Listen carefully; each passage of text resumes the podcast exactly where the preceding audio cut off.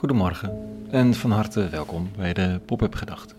Ik ben Rico en ik schrijf reflecties om de dag mee te beginnen. Of te eindigen, zo je wilt. Het is voor mij altijd op de werkdagen het eerste wat ik doe. Wakker worden, moment van stilte, schrijven, delen. Vandaag met de titel Intuïtief verbonden. Pop-up Gedachten dinsdag 1 september 2020.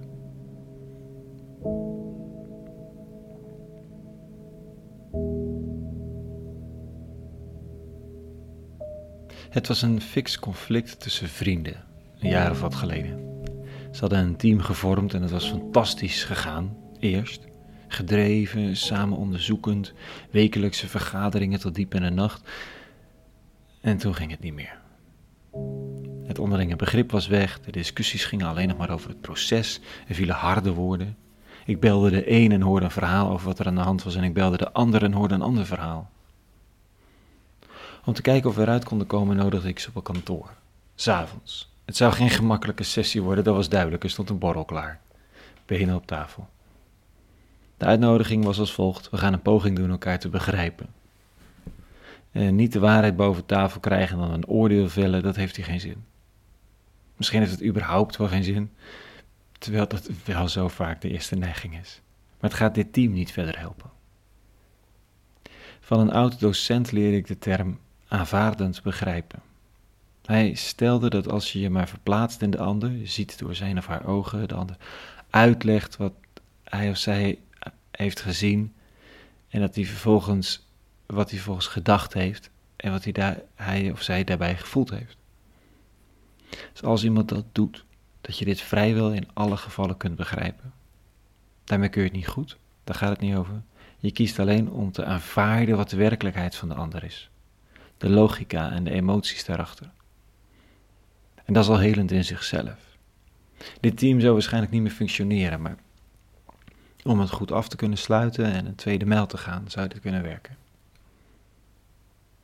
En de een begint te vertellen, straks, strak volgens de drie slag van, van ik zag en ik, ik dacht en ik, ik voel.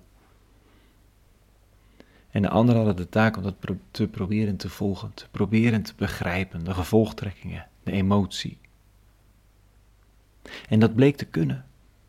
Er ontstond ruimte voor iedereen. Het gevecht was eraf. Het morele oordeel over iemands handelwijze lag er nog wel, maar het was anders geworden, zachter. Met meer begrip en verbinding. Ze hadden door elkaars ogen naar elkaars werkelijkheid gekeken en hun eigen waarheid even geparkeerd. Vandaag lijkt het de uitnodiging te liggen van Paulus om zo door de ogen van de eeuwige te komen kijken. Om de gevolgtrekkingen van de eeuwige te volgen. Om, de, om intuïtief de visie van de eeuwige zelf te leren verstaan. Wat absurd is, want hoe past het in godsnaam in je hoofd, of in je hart, of in je ziel? En toch, Paulus, jawel, hij, hij wint er geen doekjes om. Goddelijke intuïtie gaat het misschien wel om. Intuïtie van het Franse, komt van het Franse beschouwen. En is een vorm van direct weten en ingeving, zonder dat dit beredeneerd is. En dat is wat Paulus hier uitlegt over dat vreemde, zo vage personage, de geest van God. Vanochtend een paar voor Paulus doen zeer heldere zinnen in de derde lezing. Dit staat er. De geest van God doorgrondt alles, zelfs de diepste geheimen van God net als onder mensen, iemands wezen alleen gekend wordt door zijn eigen geest. Zo kent alleen de geest van God het wezen van God. Wij hebben niet de geest van de wereld ontvangen, maar de geest die van God komt. Hij doet ons inzien al wat God ons in zijn genade gegeven heeft.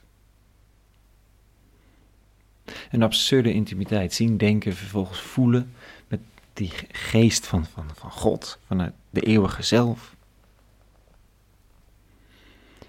Er is natuurlijk eindeloos veel misgegaan door mensen die menen dat te kunnen.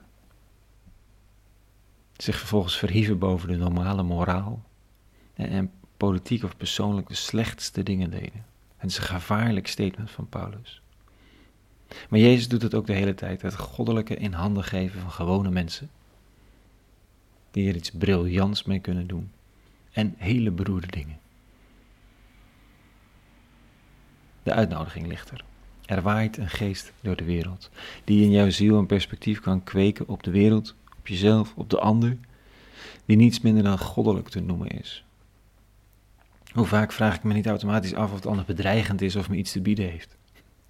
Of dat ik toch wel succesvol moet zijn, of, of, of, of dat ik bang ben om te falen. Er, er is een perspectief, een andere intuïtie, die niet door eindeloze studie ontstaat, maar door een stille ontmoeting. Geboren uit verlangen, gegeven uit genade, zeggen de teksten dan. Een God gegeven intuïtie, voor het goede, het ware, het schone, middenin pijn, onzekerheid, niet weet. Dat. Tot zover vanochtend. Een hele goede dinsdag gewenst. Meer pop-up gedachten te vinden op lazarusstatop.nl en voor nu. Vrede. En alle goeds.